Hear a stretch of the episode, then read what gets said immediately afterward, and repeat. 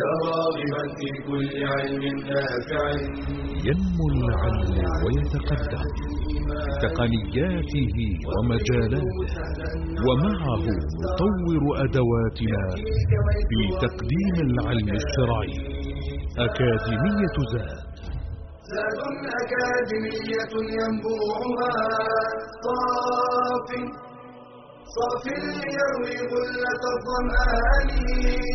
والسيرة العلياء عطرة الشدى. طيب يفوح لأهل كل زمان. بسرى زاد أكاديمية للعلم كالأزهار في البستان. بسم الله الرحمن الرحيم. الحمد لله رب العالمين وصلى الله وسلم وبارك على نبينا محمد وعلى آله وصحبه أجمعين. وبعد أرحب بإخواني وأخواتي الكرام من طلبة العلم في برنامج أكاديمية زاد في دراسة هذا المقرر وهو مادة السيرة النبوية على صاحبها أفضل الصلاة وأتم التسليم. كنا قد توقفنا في اللقاءات الماضية والدروس السابقة بعد مفاوضات كبار قريش للنبي صلى الله عليه وسلم على أن يتوقف عن هذه الدعوة لهذا الدين الجديد وما ادعوه عليه صلى الله عليه وسلم من تسفيه الآباء والأحلام وتفريقه لجماعتهم كما يقولون. وإن كان هذا التفريق وهذا التسفيه بحق لكن النبي صلى الله عليه وسلم حاورهم عليه الصلاة والسلام وبين لهم ونصح لهم ووضح لهم ومع ذلك لم يأخذوا منه شيئا صلى الله عليه وسلم بل ثبته الله تبارك وتعالى على هذه الدعوة. وكما ذكرنا في اللقاء الماضي قد عاد أبو الوليد عتبة بن ربيعة إلى قومه الذين ارسلوه لمفاوضة النبي صلى الله عليه وسلم عاد إليهم متاثرا متاثرا بالمحتوى الذي سمعه من رسول الله صلى الله عليه وسلم ومضمون دعوته وما تلا عليه من القرآن وكذلك ذلك الأسلوب الذي انتهجه النبي صلى الله عليه وسلم من الحوار معه فلم يقاطعه وقال له أو قد فرغت يا أبا الوليد؟ وناداه بأحب الأسماء إليه ثم تلا عليه النبي صلى الله عليه وسلم. بعد ذلك قال له قد سمعت فأنت وما تشاء. فرجع إليهم عتبة وقال لهم أبو جهل لما رآه قادما إليهم والله لقد جاء أبو الوليد بغير الوجه الذي ذهب به. يرى عليه آثار التغير التغير الحسي فضلا عن التغيرات الذهنية والعقلية المعنوية. ولذلك المسلمون وكل من يدعو إلى الإسلام ممارساتهم السلوكية للإسلام ودعوتهم للإسلام وطريقة حوارهم مع المخالفين وإن بقوا على ما هم عليه من معتقداتهم إلا أن طريقة الحديث معهم وطريقة الحوار معهم والأسلوب سيؤثر على فريق منهم. فكان يقول دعوه دعوه وإن قتلته العرب أو العجم فقد كفيتم وإلا فإن عزه عزكم وسيادته ستكون عائدة عليكم بالرفعة في الدنيا. لما فنيت ونفذت الحيل التي اختطها كبراء قريش في إيقاف دعوة النبي صلى الله عليه وسلم بالترهيب بالترغيب بالإغراء بالمفاوضات لما لما يجدوا حيلة توقف هذه الدعوة المباركة وتوقف هذا الداعيه العظيم صلى الله عليه وآله وسلم لجأوا إلى أسلوب جديد وهو أسلوب الحصار الاقتصادي الحصار الاجتماعي التجويع الضغط بالحرمان من الاحتياجات الأساسية للنفس البشرية. فلما رأوا ذلك تحالفوا كبراء قريش وقبائلها واجتمعوا وتحالفوا على ألا على مقاطعة بني هاشم وبني المطلب. لا يناكحوهم هذا حصار اجتماعي ومقاطعة اجتماعية ولا يبايعوهم حصار اقتصادي ولا يجالسوهم ولا يخالطوهم ولا يدخلوا بيوتهم ولا يدخلونهم بيوتهم ولا يكلموهم حتى يسلموا إليهم رسول الله صلى الله عليه وسلم ليقتلوه. وبئس المساومة. بئس المساومة. لكنهم يمارسون هذا الضغط على بني هاشم وبني المطلب ليسلموا إليهم ابنهم وابن قبيلتهم نبينا محمد صلى الله عليه وسلم. وحتى يثبتوا هذه هذا الميثاق وهذا التحالف ضد بني هاشم وبني المطلب كتبوا هذا التحالف. وهذه الاتفاقية في وثيقة وعلقوها هذه الصحيفة علقوها في الكعبة في جوف الكعبة ليكون هذا أدعى لثباتها وأدعى للرجوع إليها وأدعى للتذكير بها وأدعى لتقديسها أو تعظيمها وعدم خرقها لأنهم يعظمون البيت ولديهم بقايا من دين إبراهيم من تعظيم هذا البيت فيعظمون هذه الوثيقة ولا ينقضونها بعد أن يكونوا قد علقوها في جوف الكعبة. هذه الصحيفة. والذي كتب هذه الصحيفة هو آه، بغيض بن عامر بن هاشم كتبها ودعا عليه النبي صلى الله عليه وسلم فشلت يده. دعا عليه النبي صلى الله عليه وسلم فشلت يده. فكل من حارب النبي صلى الله عليه وسلم أو دعوة النبي صلى الله عليه وسلم أو دعوة الإسلام أو سنته فإنه آه، يلاحقه الخسار والبوار والدمار في الدنيا والآخرة. فهذا الرجل الذي كتب هذه الصحيفة الآثمة ناله ما ناله من دعاء النبي صلى الله عليه وسلم عليه وهذا سيكون جزاء كل من حارب الإسلام وكل من حارب دين الإسلام وهي العقوبة العاجلة أو الآجلة في اليوم الآخر. تم هذا الميثاق واتفقوا عليه وتمالوا عليه وعلقت هذه الصحيفة في جوف الكعبة وحبس المسلمون في شعب أبي طالب في شعب أبي طالب. واشتد عليهم الحصار الشديد وقطعت عنهم آه، الميرة. آه، بنو هاشم كلهم آه، التجوا إلى هذا الشعب مؤمنهم وكافرهم. لأن كانت الرابطة التي تربط بينهم رابطة العصبية القبلية. فلجأوا إلى هذا الشعب سواء كان المؤمن منهم برسول الله صلى الله عليه وسلم أو حتى غير المؤمن برسول الله صلى الله عليه وسلم إلا أبو لهب. وهو عم النبي صلى الله عليه وسلم وهو من قبيلته من بني هاشم ومع ذلك آه، كانت المفاصلة العقدية أو العقيدية والتوحيد والعبادة والدين كان فاصلا أكبر من قضية النسب وأكبر من قضية العصبية القبلية وأكبر من قضية القرابة. فأبو لهب لم يدخل معهم في هذا آه، الحصار وإنما كان ممن يساهمون في زيادة هذا الحصار على رسول الله صلى الله عليه وسلم بل تواثق مع أعداء النبي صلى الله عليه وسلم على الرغم أنه من قبيلته بل هو عمه والذي لما ولد النبي صلى الله عليه وسلم آه، كانت مولاة آه، ثويبة هي التي مولى لأبي لهب هي التي أرضعت النبي صلى الله عليه وآله وسلم.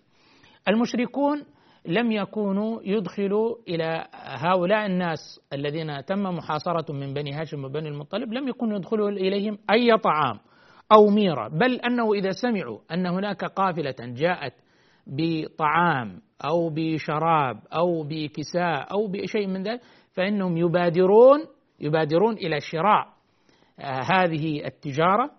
وهذه التموينات يشترونها لئلا يبادر إليها بنو هاشم أو بنو المطلب ويشترونها ويتمور يعني يمتارون منها أو يتمونون منها. فكانوا يسابقون إلى شرائها وإلى احتكارها ويمنعون عنهم ذلك.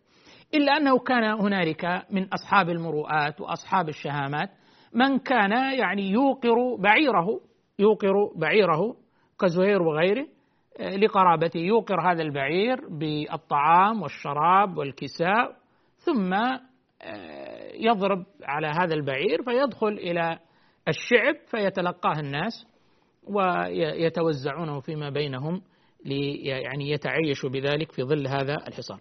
من شدة هذا الحصار أن الناس آه، اضطروا إلى أكل أوراق الأشجار واضطروا إلى أكل الجلود حتى كما قال سعد في ليلة آه، شاتي أنه أخذ جلدا يابسا فغسله ثم دقه ثم طحنه ثم سفه وشرب عليه شيء من الماء. من شدة آه، الجوع ومن شدة ذلك الحصار الذي ضرب آه، عليهم وكانت أصوات الأطفال وأصوات النساء وأصوات الجوعى تصل إلى أسماعهم من البكاء والحاجة إلى الطعام. لكن تلك القلوب القاسية تلك القلوب القاسية التي ضرب الله تعالى عليها ما كانت لترق لتلك آه، الأصوات ولذلك وتلك المعاناة. ما مصير تلك آه، الصحيفة؟ هذا ما يعني سنتحدث عنه بعد هذا الفاصل. فاصل ونواصل بإذن الله تبارك وتعالى. بشرى أكاديمية للعلم كالأزهار في البستان.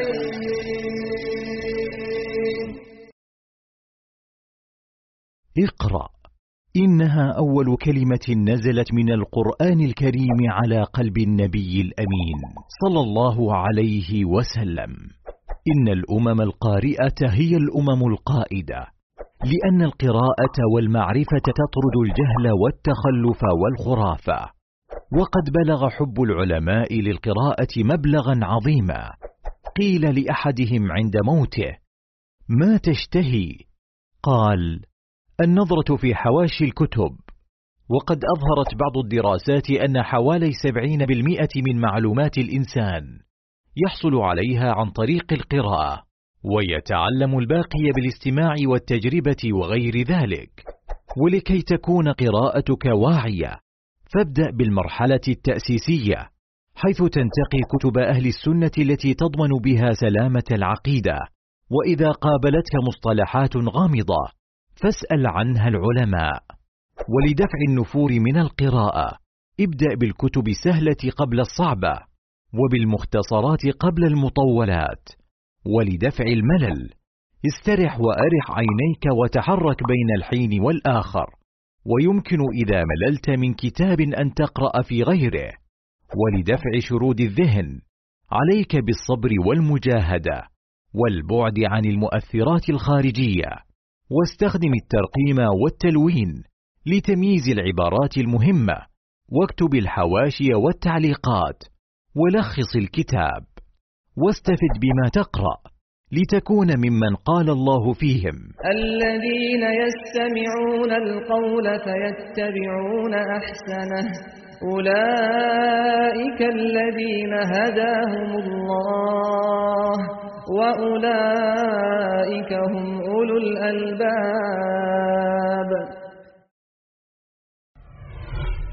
بشرى أكاديمية للعلم كالأزهار في البستان. الحمد لله.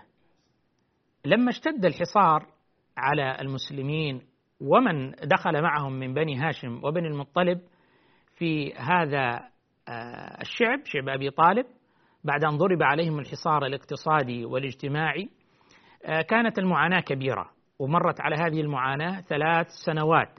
ثلاث سنوات اضطر الناس إلى أن يأكلوا أوراق الشجر من شدة الجوع وقلة آه، الطعام والميرة. آه، اضطر الناس إلى أنهم آه، يأكلوا حتى الجلود. يأتون إليها وينظفون ثم يدقون ثم يسفونها ويشربون عليها شيء من الماء. لم يجدوا ما يأكلوا. وعاش النبي صلى الله عليه وسلم معهم هذه المعاناة. لم يكن صلى الله عليه وسلم يعيش في حال النعيم والسعة والدعة والرفاهية. وأصحابه ومن معه من المؤمنين يعيشون هذه المعاناة. ابدا صلى الله عليه وسلم فقد كان شريكا لهم في هذه المعاناة وفي هذا الحصار. مر على هذا الحصار ثلاث سنوات من الألم والتعب والنصب والمعاناة البالغة.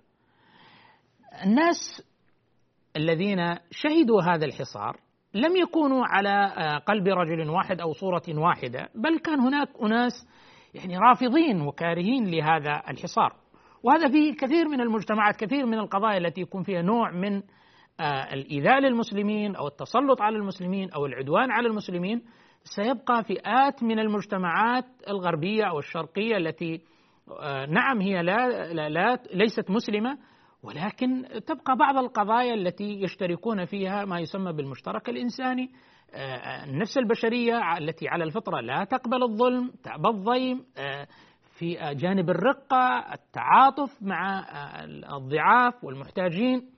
فكان هناك ناس آه، ممن لم يتابع النبي صلى الله عليه وسلم وليس من قرابة النبي صلى الله عليه وسلم لا هو من بني هاشم ولا هو من بني المطلب وربما يعني أنه كانوا يعني لا يقبلون هذه الصورة لم يقبلوا هذه الصورة الظالمة آه، التي وقعت على النبي صلى الله عليه وسلم ومن معه. فكان من ضمن أولئك آه، هشام ابن عمرو هشام بن عمرو بن عامر من بني عامر بن لؤي. هذا الرجل كان رجلا مبادرا. رغم عدم موافقته للنبي صلى الله عليه وسلم في قضية الإسلام والإيمان لكنه كان رجل مبادر تجاه هذا الظلم الذي مورس تجاه النبي صلى الله عليه وسلم ومن معه من الناس. فكان يعني سعى مبادرا إلى زهير بن بن أبي أمية المخزومي. ذهب إلى زهير بن أبي أمية المخزومي وقال له إن, إن هذه الصورة الظالمة غير مقبولة ولا يقبلها كرام الناس. فقال زهير إنما أنا رجل واحد فأبغني ثانيا فقال أنا الثاني هشام. فقال أبغنا ثالثا فذهب هشام إلى آه، المطعم بن عدي من كبراء مكة. وهذا الرجل هو الذي أجار النبي صلى الله عليه وسلم لما جاء من الطائف بعد أن خرج من مكة إلى الطائف. فالمطعم بن عدي يعني قال إنما أنا رجل واحد فأبغون ثانيا فقال آه، زهير بن أمية قال أبغنا ثالثا قال أنا الثالث. قال أبغنا رابعا فذهبوا إلى أبو البختري إلى أبي البختري بن هشام فكان نفس الأسلوب ونفس الطريقة وكلهم يأبى هذا التصور. لكن كثير من الناس هو يرفض الحالة الراهنة غير راضي عن الوضع الذي يعني يحدث من الظلم من الاضطهاد من الأخطاء لكنه لا يملك روح المبادرة في آه، عملية الإصلاح أو عملية التصحيح أو عملية يعني آه، دفع ذلك الظلم. فقال أبغنا رجلا رابعا وخامسا. حتى اجتمعوا أولئك الخمسة فكان معهم زمعة ابن الأسود. هؤلاء توافقوا على أن يسعوا في نقض هذه الصحيفة الظالمة الجائرة. ولو كانوا مخالفين للنبي صلى الله عليه وسلم من جهة المعتقد لم يكونوا موافقين له في اعتقاده ولا في دينه. لكنهم رأوا أن هذا من الجور والظلم على الإنسان وأنه كيف يطيب للإنسان؟ كما قال أحدهم كيف يطيب للإنسان أن يبيت آكلا شاربا شبعانا ريانا مكتسيا دافئا؟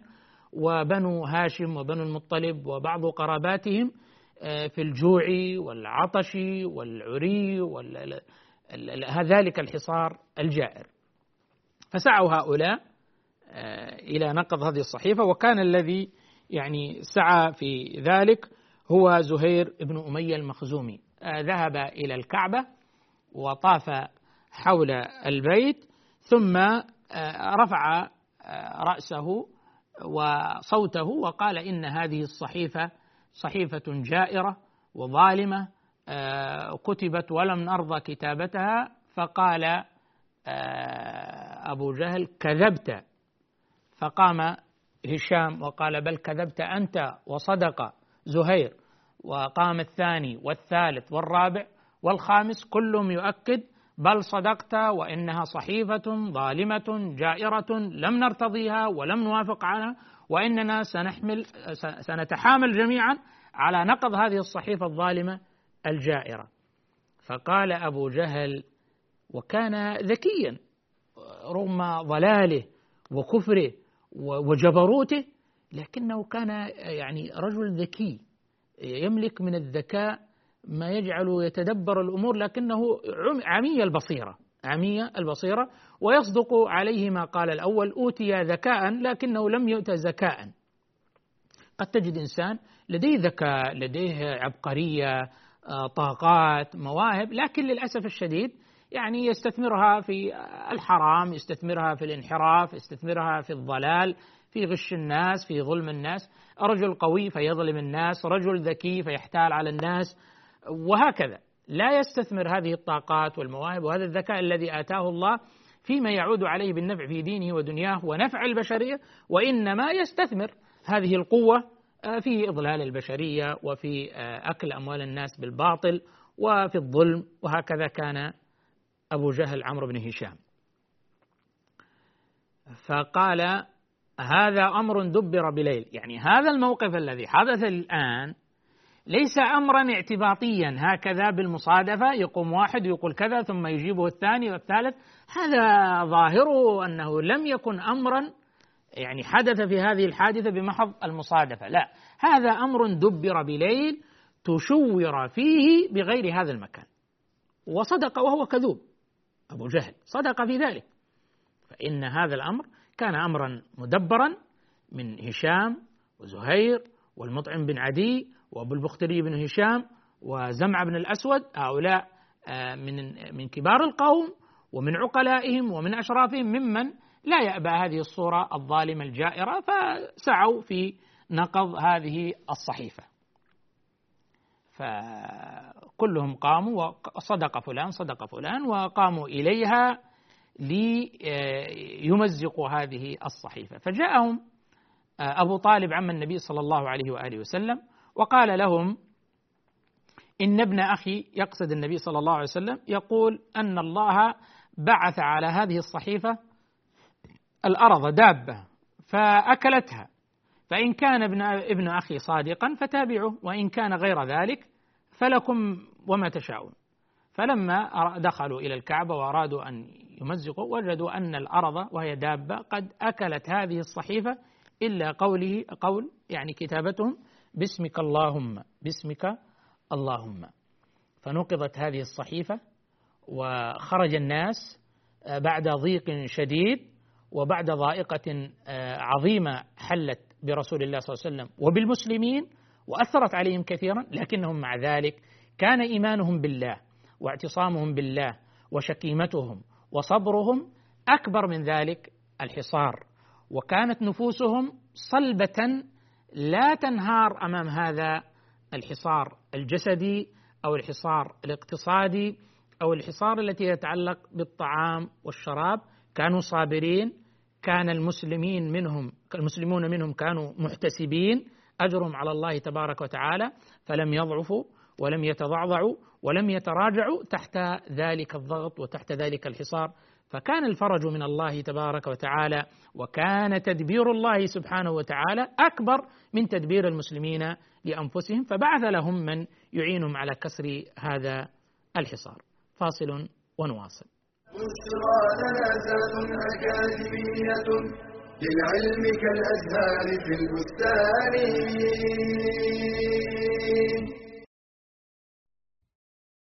أنيق المنظر طيب المخبر مجالسته أنفع مجالسة ومؤانسته أمتع مؤانسة. إنه الكتاب. من خلاله نجالس العلماء والصالحين. قيل لابن المبارك ألا تجلس معنا؟ قال ما أجلس إلا مع الصحابة والتابعين يعني قراءة سيرهم. وقد كان العلماء مشغوفين بالكتب شراء وقراءة قال ابن الجوزي ما أشبع من مطالعة الكتب وإذا رأيت كتابا لم أره فكأني وقعت على كنز ولو قلت إني طالعت عشرين ألف مجلد كان أكثر. وطالب العلم لا تخلو مكتبته من الكتب الأساسية في شتى العلوم. ففي التفسير مثلا تفسير السعدي وتفسير ابن كثير. وفي العقيدة. كتاب التوحيد والطحاوية والواسطية مع بعض الشروح. وفي الحديث الكتب الستة مع أهم شروحها. وهكذا بقية العلوم. وقبل الشراء استشر أهل الخبرة ليدلوك على أهم الكتب وأفضل الطبعات. لا سيما ما حققه العلماء الثقات كالألباني وبكر أبي زيد. احرص على التنويع في شراء الكتب. ولا تقتصر على فن واحد أو فنين. واعتن بكتب النوازل الفقهية والعقدية ولا تبخل بإعارة الكتاب وحافظ عليه إن استعرته ولا تستكثر ما تنفقه في شراء الكتب. وصدق من قال تلك النفائس لو تباع بوزنها ذهبا لكان البائع المغبونا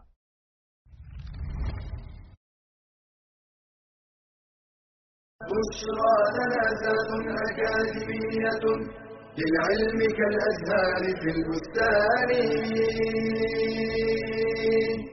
الحمد لله بعد أن أكرم الله تبارك وتعالى نبيه صلى الله عليه وآله وسلم ومن معه من المؤمنين ومن معه من قومه ممن تابعه وآزره في هذا الحصار الظالم الجائر فرج الله الهم بعد ثلاث سنوات من الحصار الظالم الجائر.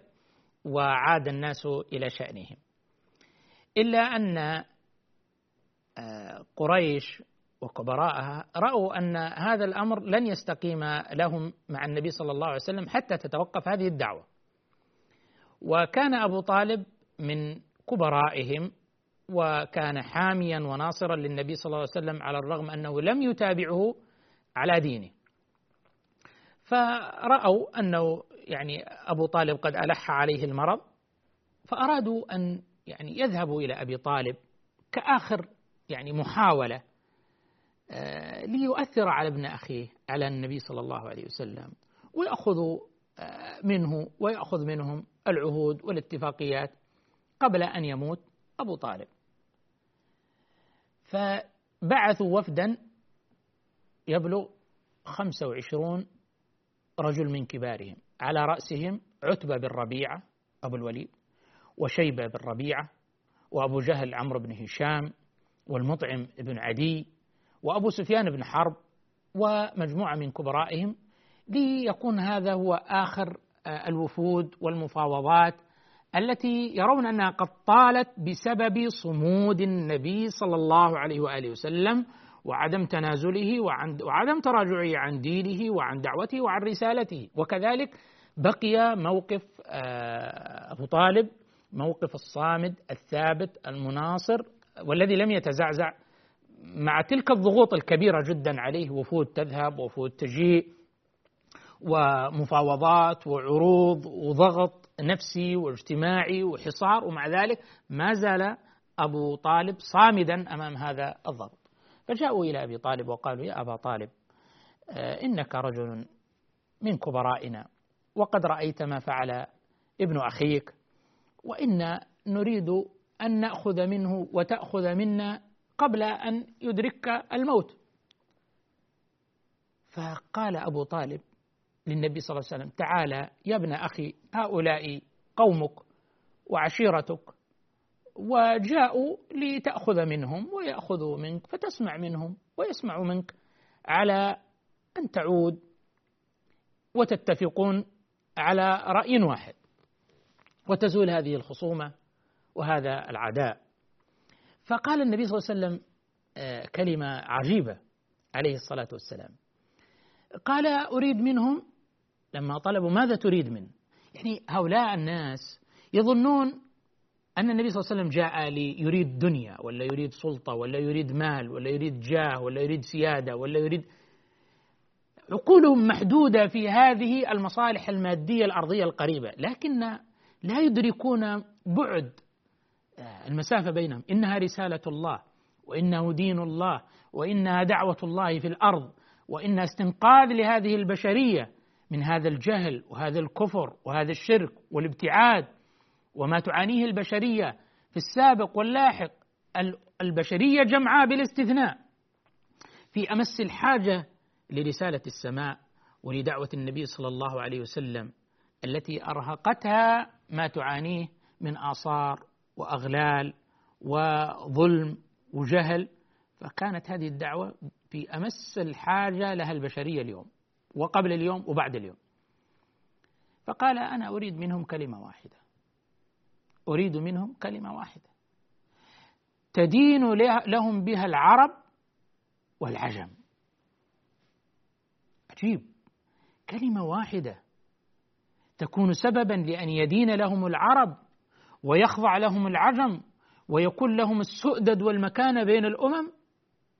كلمة واحدة. فقال أبو جهل كلمة واحدة. عشر كلمات وأبيك. أنت تبغى كلمة واحدة؟ إحنا نعطيك عشر. تفضل هات الكلمة. قال قولوا لا إله إلا الله. تفلحوا. هنا محور الرسالة محور الدعوة لا إله إلا الله. توحيد الله سبحانه وتعالى. إفراد الله تعالى بالعبادة بكل صورها. ألا يعبد إلا الله تبارك وتعالى. أن يكون الدين كله لله. قولوا لا إله إلا الله. فرجعوا على أعقابهم ونكصوا على رؤوسهم. أجعلت الآلهة إلها واحدة إن هذا لشيء عجاب. وكما قال الله عنهم وانطلق الملأ منهم أن امشوا واصبروا على آلهتكم إن هذا لشيء يراد. يصبرون بعضهم بعض على هذا الطريق المنحرف وعلى طريق الضلال وعلى طريق الكفر. يصبر بعضهم بعضا ويصمدون ويثبتون على هذا الضلال وعلى هذا الانحراف. يأبون أن يستجيبوا لهذه الدعوة وأن يستجيبوا لهذه الكلمة التي دعاهم إليها النبي صلى الله عليه وسلم لم يطلب مالا لم يطلب جاها لم يطلب سيادة لم يطلب مركزا لم يطلب شيئا لنفسه صلى الله عليه وسلم إنما هو يريد الخير لهم ويريد أن يبلغ رسالات الله ويريد أن يبلغ كلام الله. وإن لم تفعل فما بلغت رسالته. فنكصوا ورجعوا. على رؤوسهم وعلى أعقابهم رافضين هذه الكلمة التي دعاهم النبي صلى الله عليه وسلم إليها. ولما حضرت أبو طالب أبا طالب الوفاة جاءه أبو جهل ومعه آخر. وقالوا له يا أبا طالب لا تترك دين الآباء. وجاء النبي صلى الله عليه وسلم وهو يقول له في حضرة الموت يا عماه قل كلمة أحاج لك بها عند الله. يا عماه قل لا إله إلا الله. هذا الرجل الذي ناصر الدين وناصر الدعوة وناصر النبي صلى الله عليه وسلم وسانده فوق أربعين سنة في لحظات الموت يدعوه النبي صلى الله عليه وسلم ويلح في دعوته ويحرص على أن يدعوه على أن يؤمن ويسلم. كلمة أحاج لك بها عند الله. سبحانه وتعالى تكون سببا لإنقاذه من النار ودخوله الجنة وبقاء لما أسلف من العمل الصالح. يا عما كلمة. وهم عند رأسه هؤلاء المجرمين. وإن كان أحدهم أسلم أظن عبد الله بن أمية. قال يا أبا طالب تترك دين الآباء؟ يا أبا طالب أتزهد في دين عبد المطلب؟ يا أبا طالب وما زالوا به. وهو النبي صلى الله عليه وسلم يقول يا عما كلمة أحاج لك بها عند الله. حتى كان آخر كلامه هو على دين عبد المطلب أو هو على ملة عبد المطلب. وفاضت روحه. وله كلمة جميلة وعجيبة. كان يقول أبو طالب ولقد علمت بأن دين محمد من خير أديان البرية دينا. لولا الملامة أو حذار مسبة لوجدتني سمحا بذاك مبينا. كان يخشى الملامة ويخشى سب الكافرين. وحرم من هذا الخير. وأنزل الله تبارك وتعالى مسليا لنبيه صلى الله عليه وسلم إنك لا تهدي من أحببت ولكن الله يهدي من يشاء. أنت تهدي تهدي إلى صراط مستقيم هداية الدلالة والإرشاد والإعلام لكن هداية التوفيق والإلهام هذه بيد الله سبحانه وتعالى. إنك لا تهدي من أحببت ولكن الله يهدي من يشاء. وذلك حكمة من الله سبحانه وتعالى. إن الله لا ينصر هذا الدين بالرجل الفاجر. أبو طالب أكثر من أربعين سنة يساند الدعوة ويساند النبي صلى الله عليه وسلم ولم يسلم. ويدافع عن النبي صلى الله عليه وسلم عصبة لقرابته. وكان يعلم علم يقين. حق النبي أن النبي صلى الله عليه وسلم حق وأن دعوته حق. ولكنه آه، العادات والتقاليد وضغوط المجتمع حملته على أن يخسر دينه ويخسر آخرته. خسر وذلك هو الخسران المبين. وقد نفعه النبي صلى الله عليه وسلم أن أبا طالب خفف عنه العذاب إلى أن توضع تحت آه، رجل أن له آه، حذاء من نار له شراكان تغلي منهما دماغه. أو جمرة يعني تحت إبهامه تغلي منها دماغه خفف عنه من العذاب إلى ذلك لنصرته للنبي صلى الله عليه وآله وسلم. وليعلم الإنسان شؤم الرفقة السيئة. لا تصاحب إلا مؤمنا ولا يأكل طعامك إلا تقي. الأخلاء بعضهم يومئذ لبعض عدو إلا المتقين. فكان هؤلاء الأخلاء سببا لموت أبي طالب على الكفر وحرمانه من الإسلام ودخول الجنة. وبذلك توفي أبو طالب ثم تعاقبت الأحزان على رسول الله صلى الله عليه وسلم وماتت زوجته الحبيبة الحنون المساندة العفيفة الطاهرة خديجة رضي الله تعالى عنها.